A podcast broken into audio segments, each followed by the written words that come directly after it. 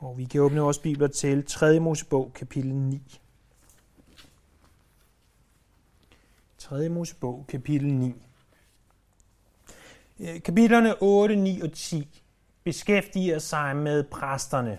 Øh, vi så sidste gang i kapitel 8, hvordan at Aaron og hans sønner bliver indsat som præster. Nu ser vi i dag i kapitel 9, at Aaron foretager sit første offer. Og vi vil næste gang i kapitel 10 se, hvordan at to af Aarons sønner, de sønner imod Herren.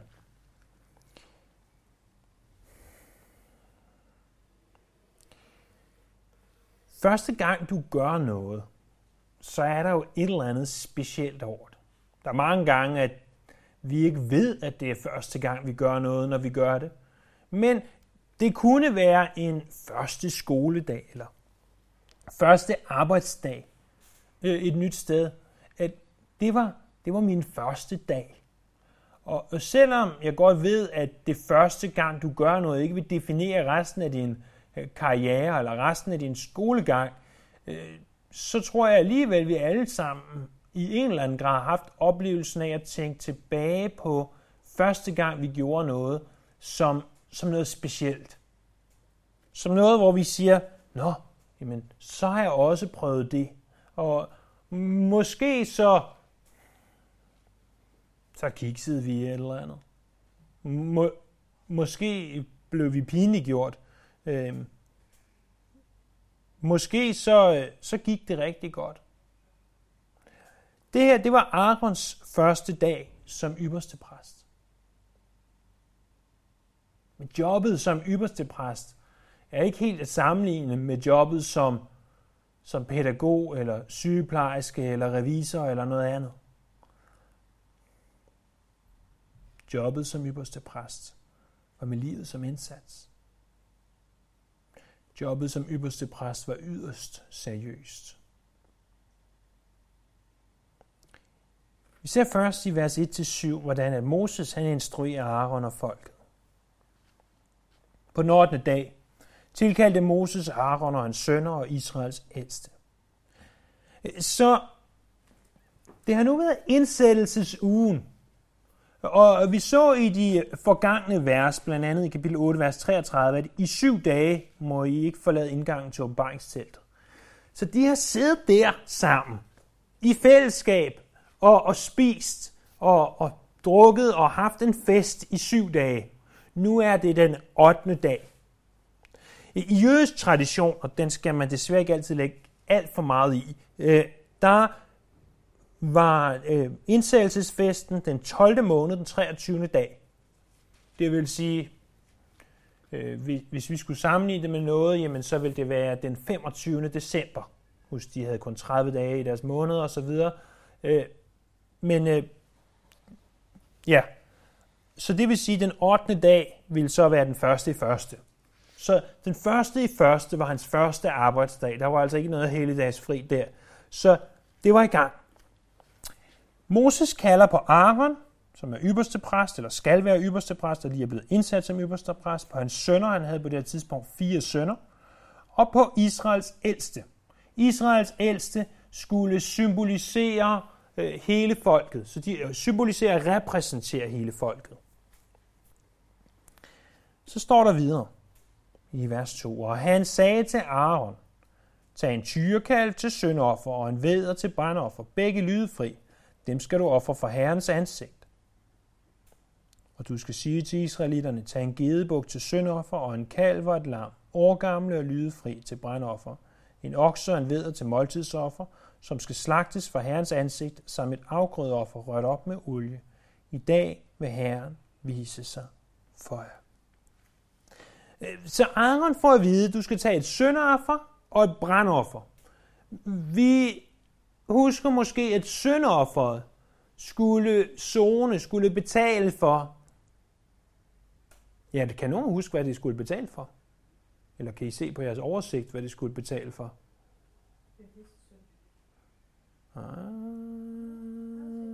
skyldofferet var bevidste synder. Bevidste synder, ja, men endnu mere, hvem vi er at vi er født som syndere. Syndofferet at vi er født som syndere. Og han, præsten, var i øh, kapitel 4 blevet befalet at ofre en okse og her en tyrekalv. Og der er noget her, som på en gang overrasker mig, på den anden side overrasker det mig ikke. Fordi tænk så Aaron. Bare navnet vækker en eller anden form for, wow, Aaron.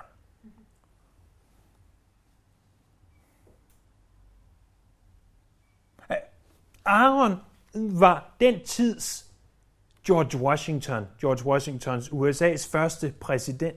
Han var den første ypperste præst. Indtil da havde der været Moses, øh, som havde i en eller anden grad fungeret som ypperste præst, men, men ikke officielt havde været indsat som ypperste præst. Men Aaron. Aaron var den første ypperste præst. Jeg ved ikke, hvordan det var, da George Washington blev indsat. Jeg, jeg ved ikke, om han svævede på en bibel, som vi ser, de gør i fjernsynet. Og der havde nok ikke været et valg, der var så storslået, som det er i dag. Øh, og og jeg, jeg tvivler på, at omstændighederne var de samme. Fordi når det er den første, så er det jo noget specielt. Det er jo ligesom en af dem, der er med til at, at starte det hele. Men Aaron, mærk jeg det her. Mærk jeg det. Aaron offrede et syndoffer. Og hvorfor er det specielt? Jo, det er specielt, fordi Aaron anerkender, at jeg er nødt til at zone, hvem jeg er. Jeg er nødt til at zone, jeg er nødt til at betale for. Jeg er nødt til at gøre op med, hvem jeg er, hvordan jeg er født, nemlig som en sønder. Vi taler om ypperste præsten. Øh, det vil svare til, at i den katolske kirke vil paven stille sig op og sige, jeg er født en sønder. Og det er der garanteret paver, der har gjort. Der er garanteret også paver, der ikke har gjort det.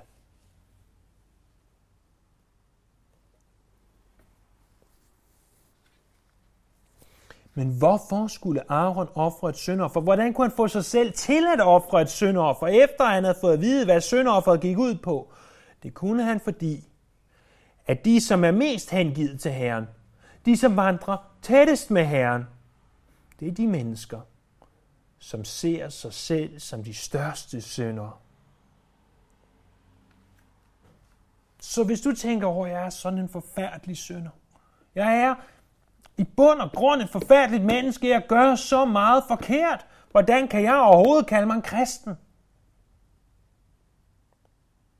Så er det som udgangspunkt ikke et dårligt tegn. Der er en masse mere til det, og, og det udsagn bliver nødt til at stå alene lige nu, men jeg håber, du forstår, hvad jeg mener. Hvis du ser din egen synd, hvis du indser, hvor bundråden en synder du egentlig er, hvor meget du behøver Jesus, og hvor meget du behøver hans værk på korset. Og du igen og igen tænker, åh, endnu en dag, hvor jeg totalt klokket og fejlet. Hvordan kan de overhovedet kalde mig en kristen? Åh Gud, igen fejlet. Jeg tilgiver mig Gud.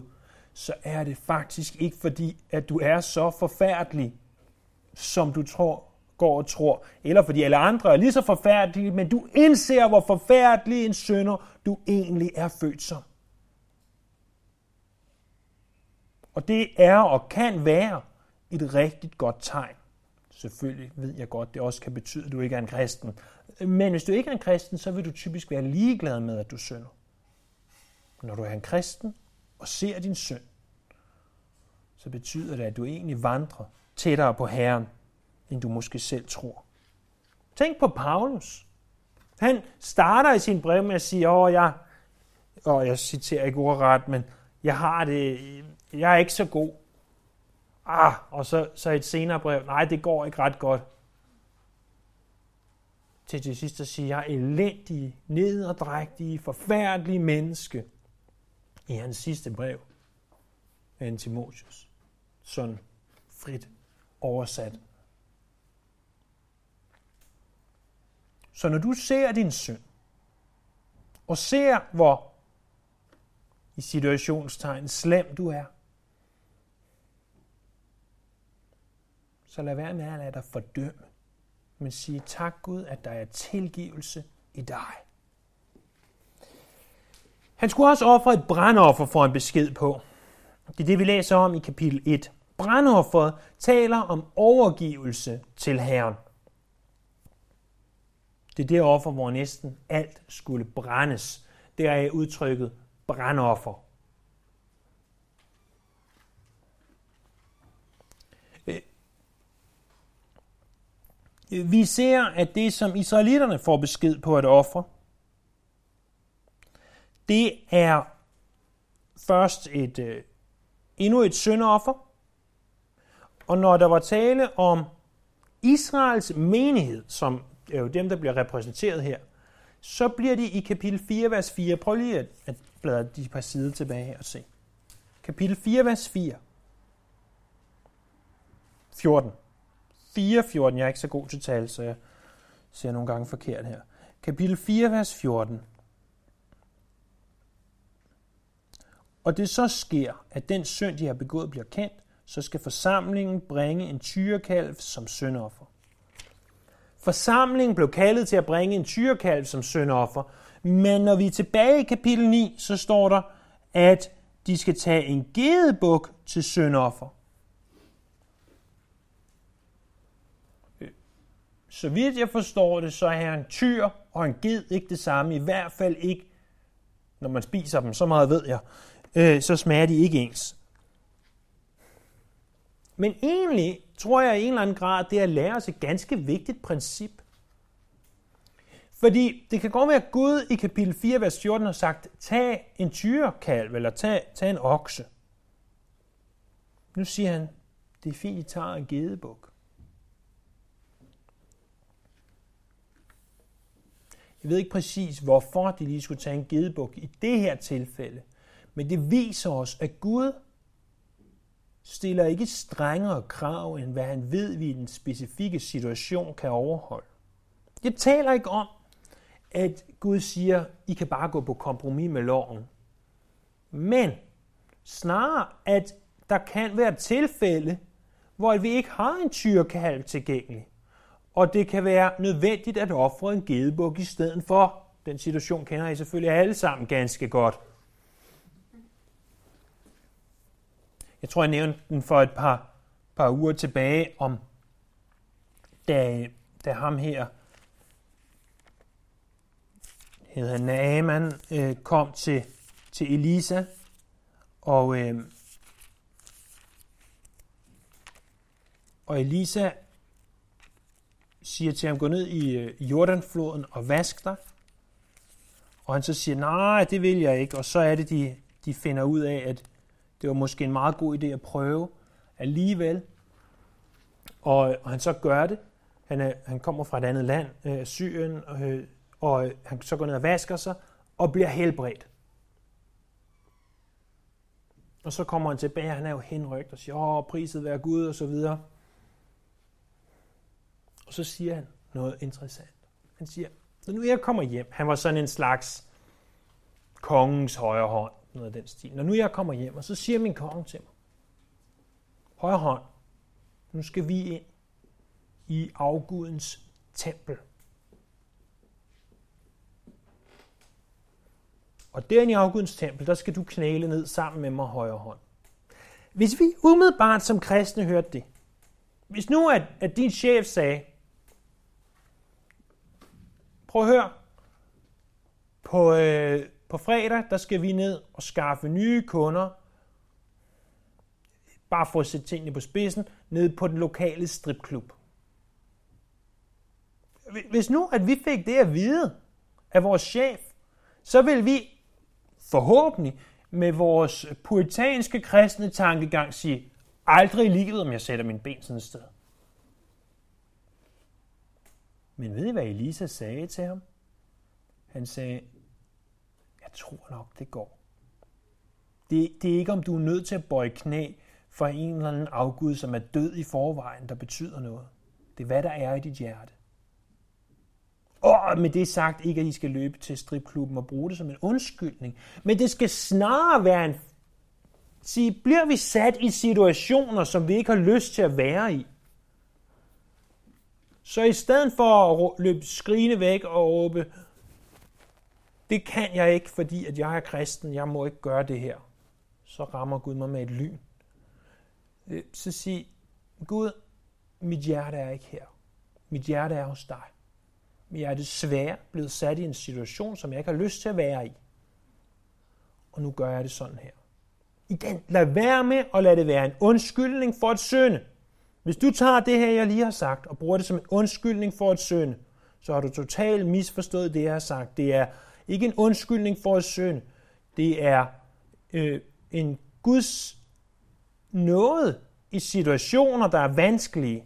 Ligesom her, det er muligt, at de ikke har haft en okse at ofre, og de får lov til i stedet for at ofre en gedebuk. De skulle også tage brandoffer, øh, hvor de skal ofre to dyr. De skal tage fredsofferet, eller det som vores danske bibler kalder måltidsofferet. Det er den, der skal fejre deres fred, de har med Gud.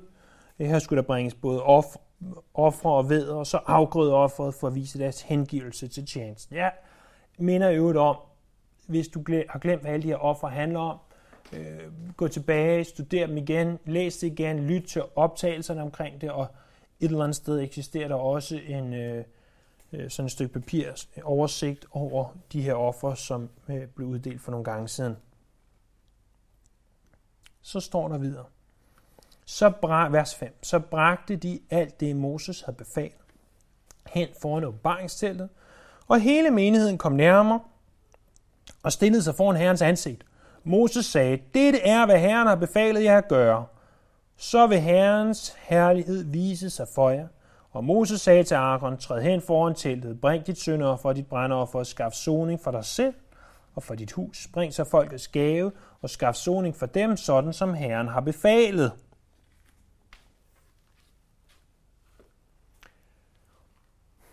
Så de går hen og henter deres dyr og gør klar til, at det her, de her ofre skal, skal foretages.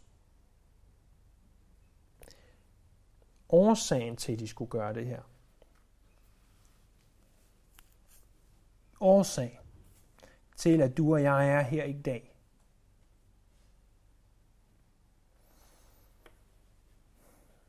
var så, at Herren kunne vise sig for dem.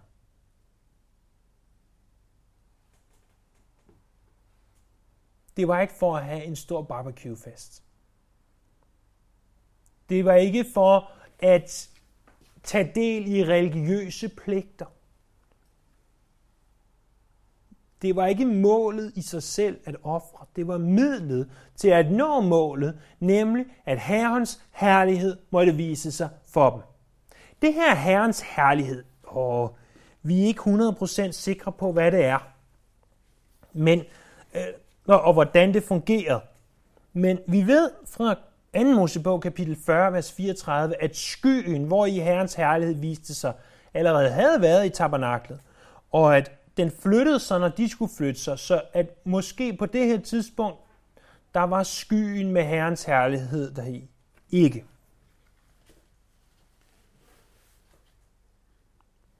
Israels menighed vidste, det som jeg håber, at du ved, at hvis Herren ikke er til stede, så giver det ikke mening at tilbede.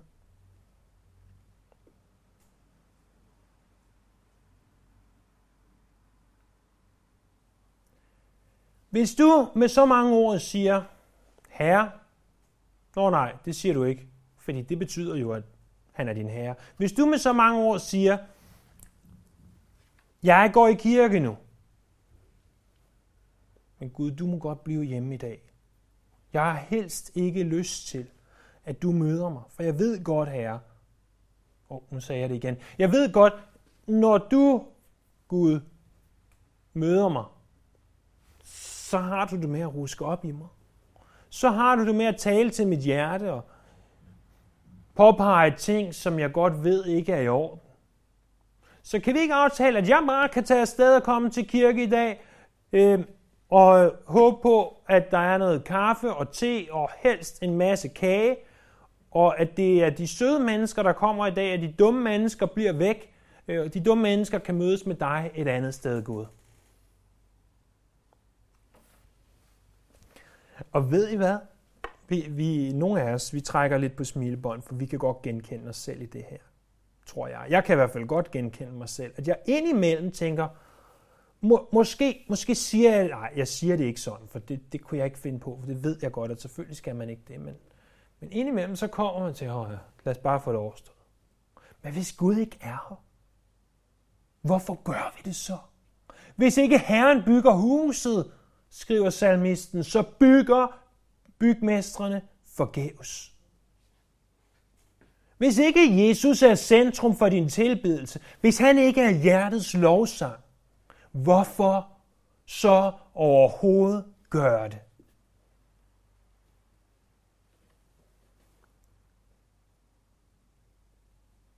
Hvis ikke Herren viste sig for dem i skyen, hvis ikke Herrens herlighed var der, hvorfor så ofre køer og geder og får og afgrøder? Hvorfor så gøre alt det her? Vi har nu set i de første syv vers, at Moses har instrueret Aaron. I øvrigt er, er det udsagn i sig selv interessant. Spørgsmål til jer bibelkyndige. Hvem var ældst? Moses eller Aaron? Aaron, ja. Hvem virker til at have autoriteten her? Moses. Hvorfor? Ikke fordi han var ældst, men fordi Gud havde givet den til ham. Og han havde en år autoritet over ypperste præsten, fordi Gud havde gjort det og bestemt det sådan. Så ser vi i vers 8-21 Arons første offer, og det er egentlig på sin vis en, det er handlingen bag de bud, som bliver givet de første syv vers. Så det er ikke fordi, vi skal gå voldsomt meget mere i dybden med det, der allerede er sagt, men vi kan tilføje nogle flere ting. Vers 8. Vi, vi ser først her i øh, vers 8-14, at Aaron han offer for sin egen søn. Og det første offer, han kommer med, ser vi i vers 8-11, i det han offrer syndoffer. Aaron trådte hen til alderet, slagtede sin egen søn offer tyrekalv. I øvrigt et godt ord, hvis man Øh, spiller det her Scrabble. Det er ganske langt, det må give mange point. Arons sønner bragte blodet hen til ham, og han dyppede sin finger i blodet og strøg det på alterets horn. Resten af blodet hældte han ud ved alterets sokkel. Fedtet Nyrerne og leverlappen for syndofferdyret brændte han på alter, sådan som Herren havde befalet Moses. Kødet og huden brændte han uden for lejren. Det, som Herren igennem Moses havde påbudt Aaron, det begynder Aaron nu at gøre. Han får hjælp af sine sønner. Sønner. Og han øh, bringer det her sønderoffer efter retningslinjerne fra kapitel 4, vers 3-12, hvor at øh, der bliver forkyndt, hvordan en præst skal bringe sit syndoffer.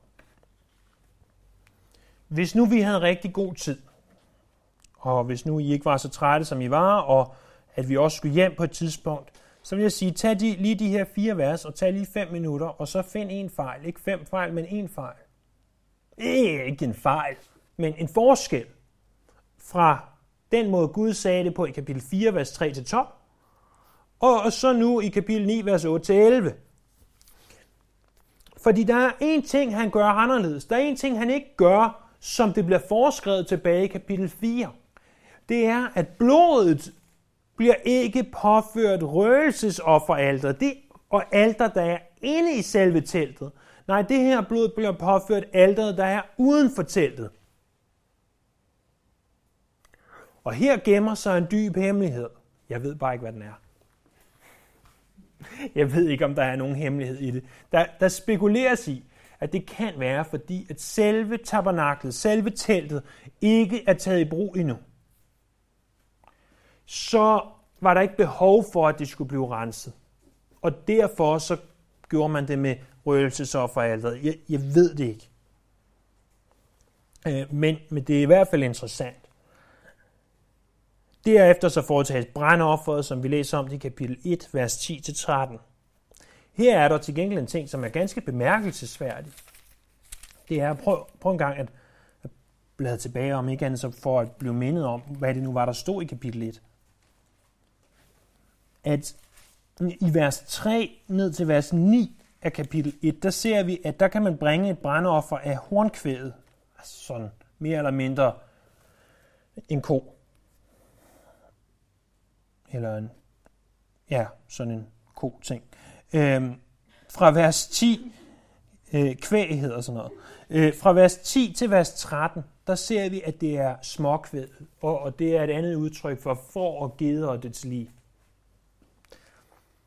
Da vi gennemgik kapitel 1, der argumenterede jeg for, at grund til, at der var nogen, der skulle ofre kvæg og andre, eller hornkvæg, som det kaldes her, og andre småkvæg, altså får geder, og nogen igen øh, duer, det var simpelthen så, at deres økonomiske formåen skulle kunne leves op til. Hvis vi lige tænker over, kan vide, hvad økonomiske rådmidler ypperste præsten havde tilgængeligt, temmelig mange. Ubegrænset, vil jeg sige, hvis han vil. Det har ikke været et problem for manden at få fat i en okse, øh, mere end at han allerede bragte offer. Men alligevel var der ikke nogen grund til, at han bragte en, offers, øh, en okse som brandoffer. Han, Gud siger, at du kan tage et småkvæg. Igen, hvorfor ved vi ikke præcis, men, men det er ganske interessant at se, at det ikke bare det bedste er det bedste, er det største er det største, der bliver offret. Nej, det er forskellige typer af dyr, der bliver offret her.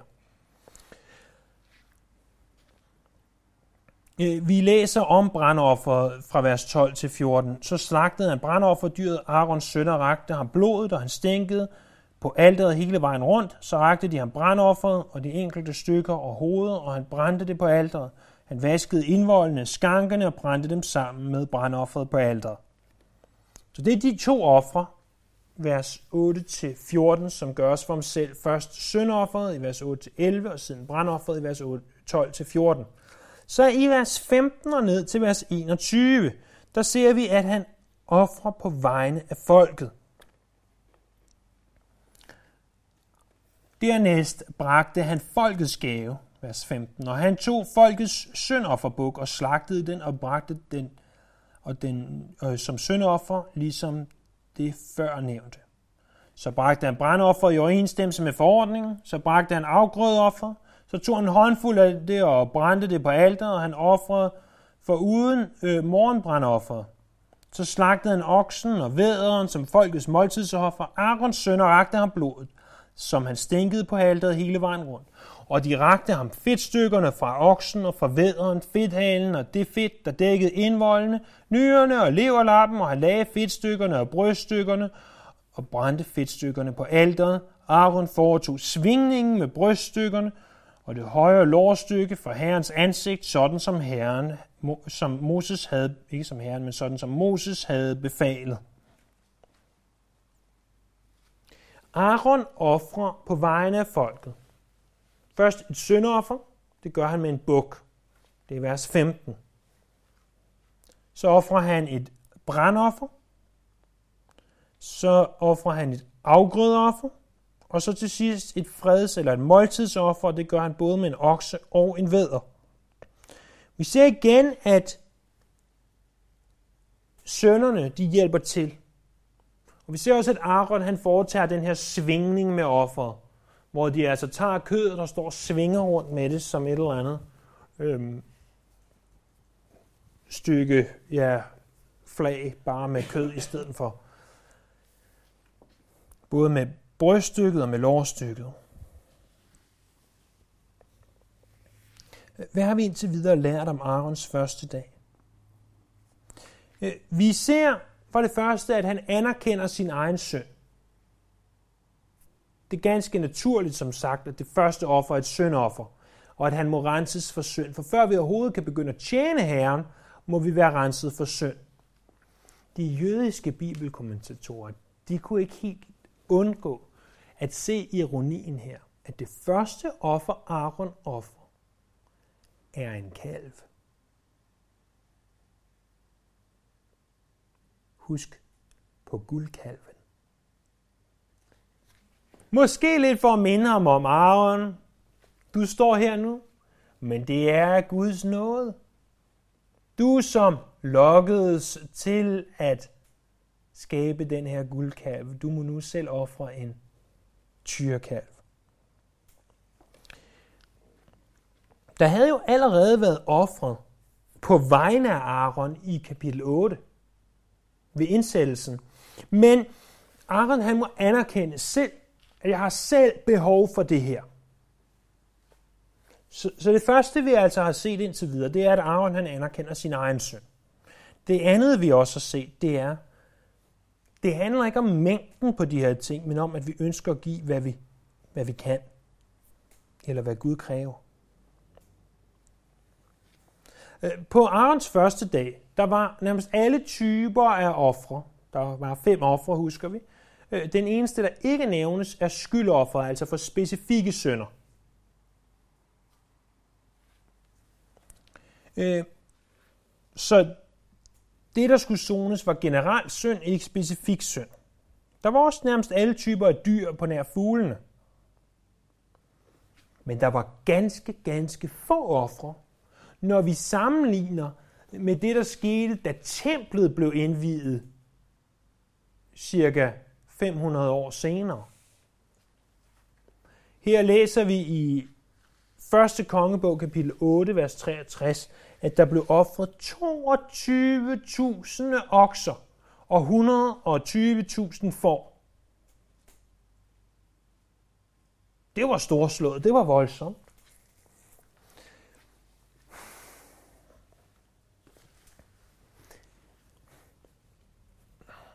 Men dengang, da Jesus han stod der ved templet og kigger på folk, der kommer og lægger penge i tempelblokken,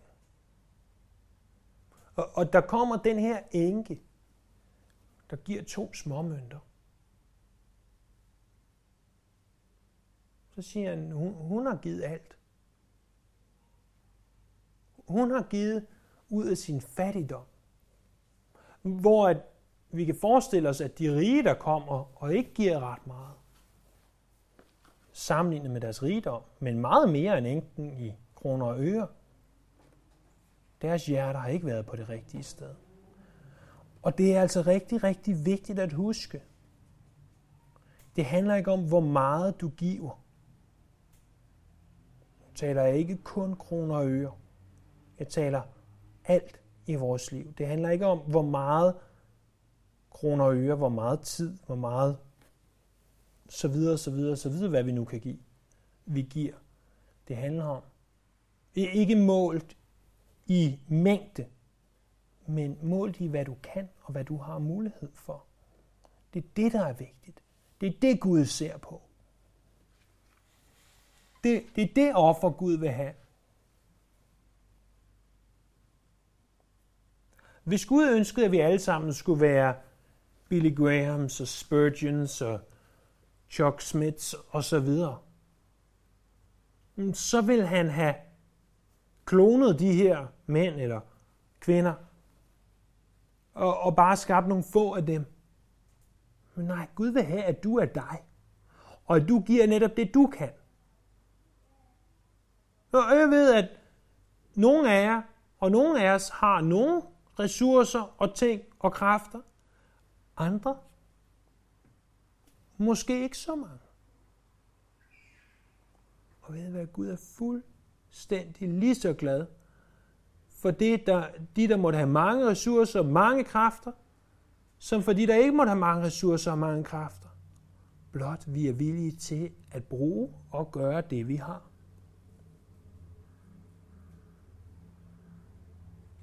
Det, som Gud ikke bryder sig om, hvis vi kan sige det. Det er dem, som har ressourcerne, som har kræfterne, men som ikke forvalter dem fornuftigt. Som spilder deres tid, som spilder deres penge, som spilder deres liv. Og jeg tror, at hver af os indimellem gør klogt i lige at stoppe op og sige, hvordan, hvordan bruger jeg mit liv? Hvordan bruger jeg de ting, som Gud har givet mig at forvalte? Bruger jeg det for ham, eller bruger jeg det for mig? Og hvis jeg bruger det for mig, så lav om. For det tredje, så ser vi indtil videre her på Arons første dag, at offrenes rækkefølge, de er et symbol på, hvordan tilbedelsen af vores Herre bør være. Først syndofferet, øh, som, hvor I vi erkender, at vi er syndere. Så overgivelse, hvor I vi overgiver os til Herren. Så tjeneste i det, vi hengiver os til at tjene ham. Og derefter et kontinuerligt fællesskab med ham. Vi ser så i de sidste tre vers, det tredje og sidste afsnit, hvordan Aaron han agerer som en sand præst.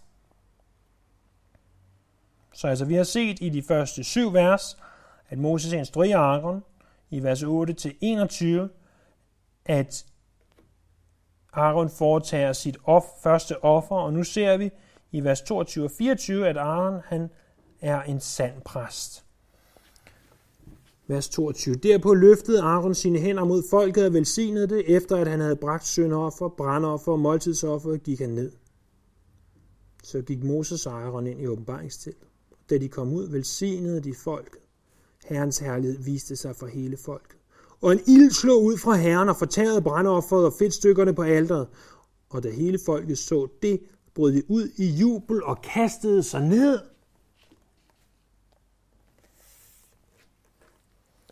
Så det vi ser, det er, at Aaron løfter sine hænder imod folket. Han står på alteret, stadigvæk på brandofferalteret, og så velsigner han det. Så går han ned, efter han har bragt sin offer. Så går han sammen med Moses ind i åbenbaringsteltet.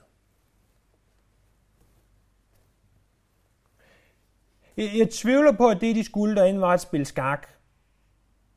Eller Kalaha, eller hvad Kalaha vil nok være mere sandsynligt end skak stadigvæk på det tidspunkt, uden at vide det. Øh, men nej, jeg tvivler på, at det var det, der var tilfældet.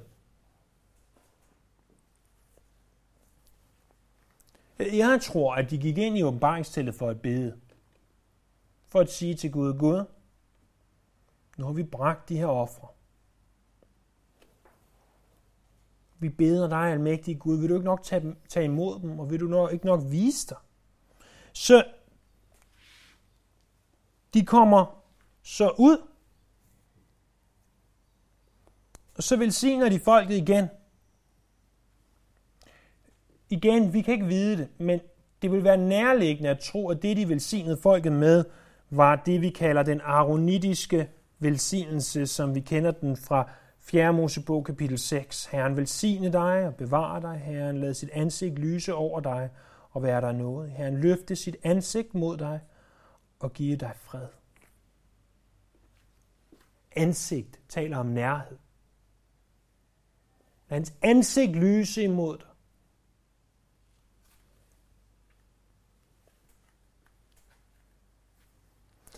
Det, som Aaron og Moses gør her, det er noget ganske særligt.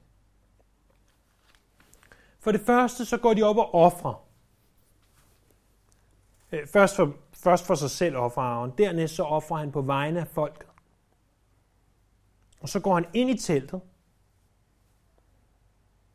og formodentlig antager jeg, beder til Gud. Han repræsenterer folket over for Gud. Og siger, Gud, folket er, som du jo godt ved, Gud, nogle nederdrægtige, forfærdelige, bundrådende sønder.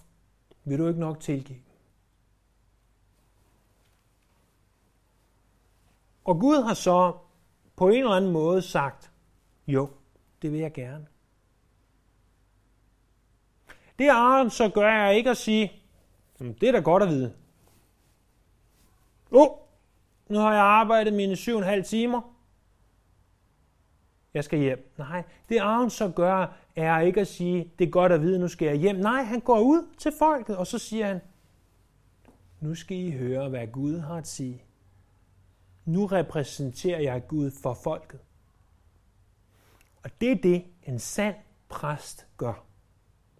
En sand præst bærer andre mennesker frem for Gud og siger, åh Gud, vil du ikke nok? Og så bagefter, så går han hen til folket og siger, prøv at høre, hvordan Gud han er. Og så ved jeg godt, man i det her land ynder at kalde den person, som står bag prædikestolen for præsten. Og det er som også fint nok, det er ikke forkert. Men du og du og du og du og du og du er også præsten. Lad være med at skubbe den der over på, på folk, som, som måtte stå her. Bare fordi det er nemmere og en armslængde væk. Du er en præst. Hvis du er kristen, er du præst. Hvorfor? Fordi det er din og min opgave at bringe andre mennesker frem for Gud og ligeledes fortælle mennesker om Gud. Og det er derfor Peter i 1. Peter kapitel 2, vers 9 kalder os for et helligt præsteskab. Vi er alle præster. Alle os, der tilhører Jesus, er præster. I den funktion, at vi bringer mennesker frem for Gud og Gud frem for mennesker.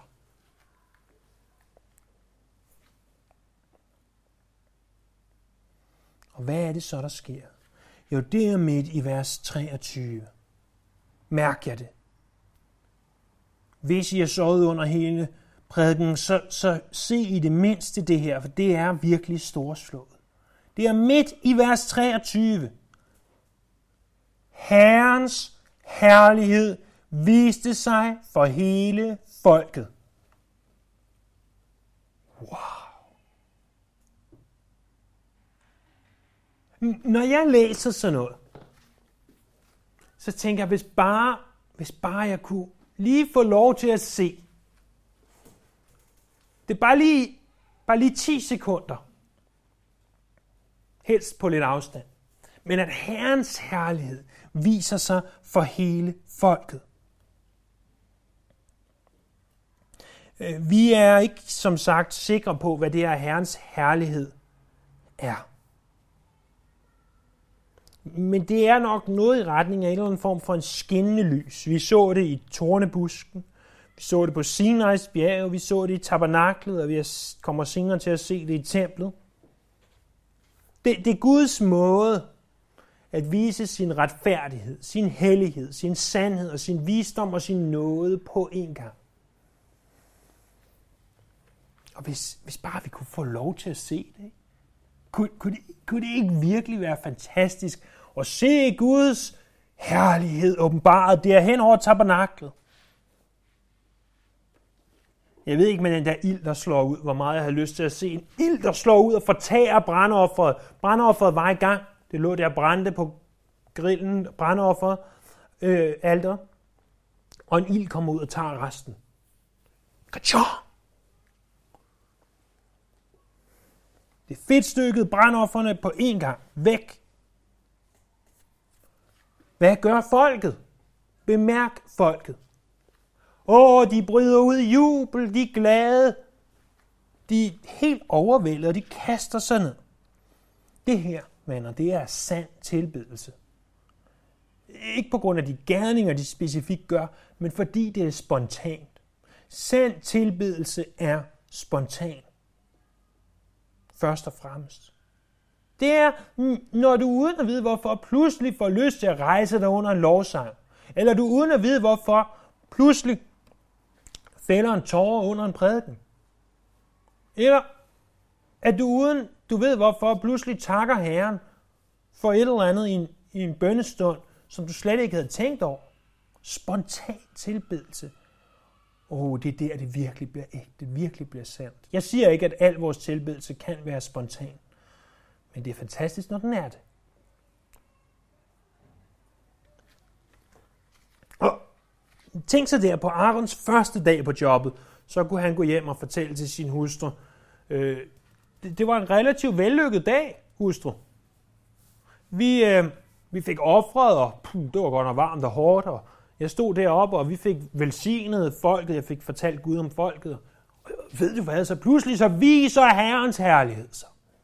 Og hun har siddet der, holdt derop, Herrens herlighed. Og hvad, jo, så kom der en ild ud og fortærede brandoffer. Og, og det må have været storsødt at fortælle Og jeg ved ikke med dig, men bare, bare vi kunne være der. Bare vi lige kunne få lov til i 20 sekunder at, at se Herrens herlighed. Men jeg har en nyhed til dig i dag. Du kan se Herrens herlighed. Ved du hvorfor? Fordi at det kan godt være Gud åbenbaret så den dag på øh, oven på tabernaklet, ved tabernaklet. Men intet sted har han åbenbaret sig bedre og mere klart end i sin søn Jesus Kristus. Han er den fuldkommende åbenbaring af, hvem Gud han er. Han er Gud selv. Der ser vi hans retfærdighed, hellighed, sandhed, visdom, noget og kærlighed, og det er alt sammen på én gang åbenbaret, så at du og jeg kan forstå det. Og du behøver blot slå op i det nye testamente og læse om vores Jesus. For at se en fli af den herlighed, som sænkede sig over den her jord. Åh, venner, vi behøver ikke en tidsmaskine for at opleve det. Han er her. Han er her.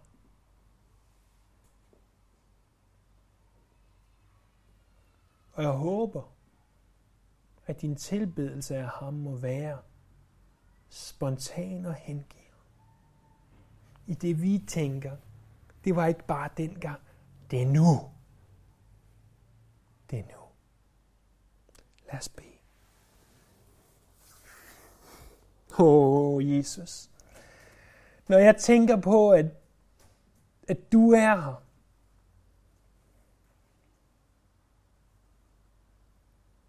treenighedens anden person, åbenbaret i kødet, så giver det mig gåsehud.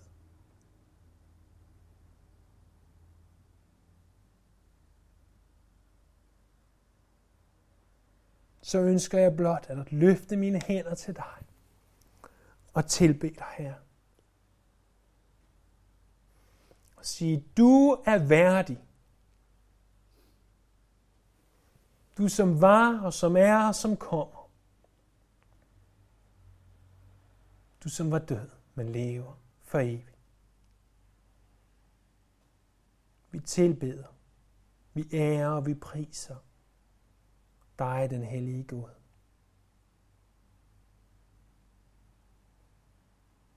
Amen. Amen.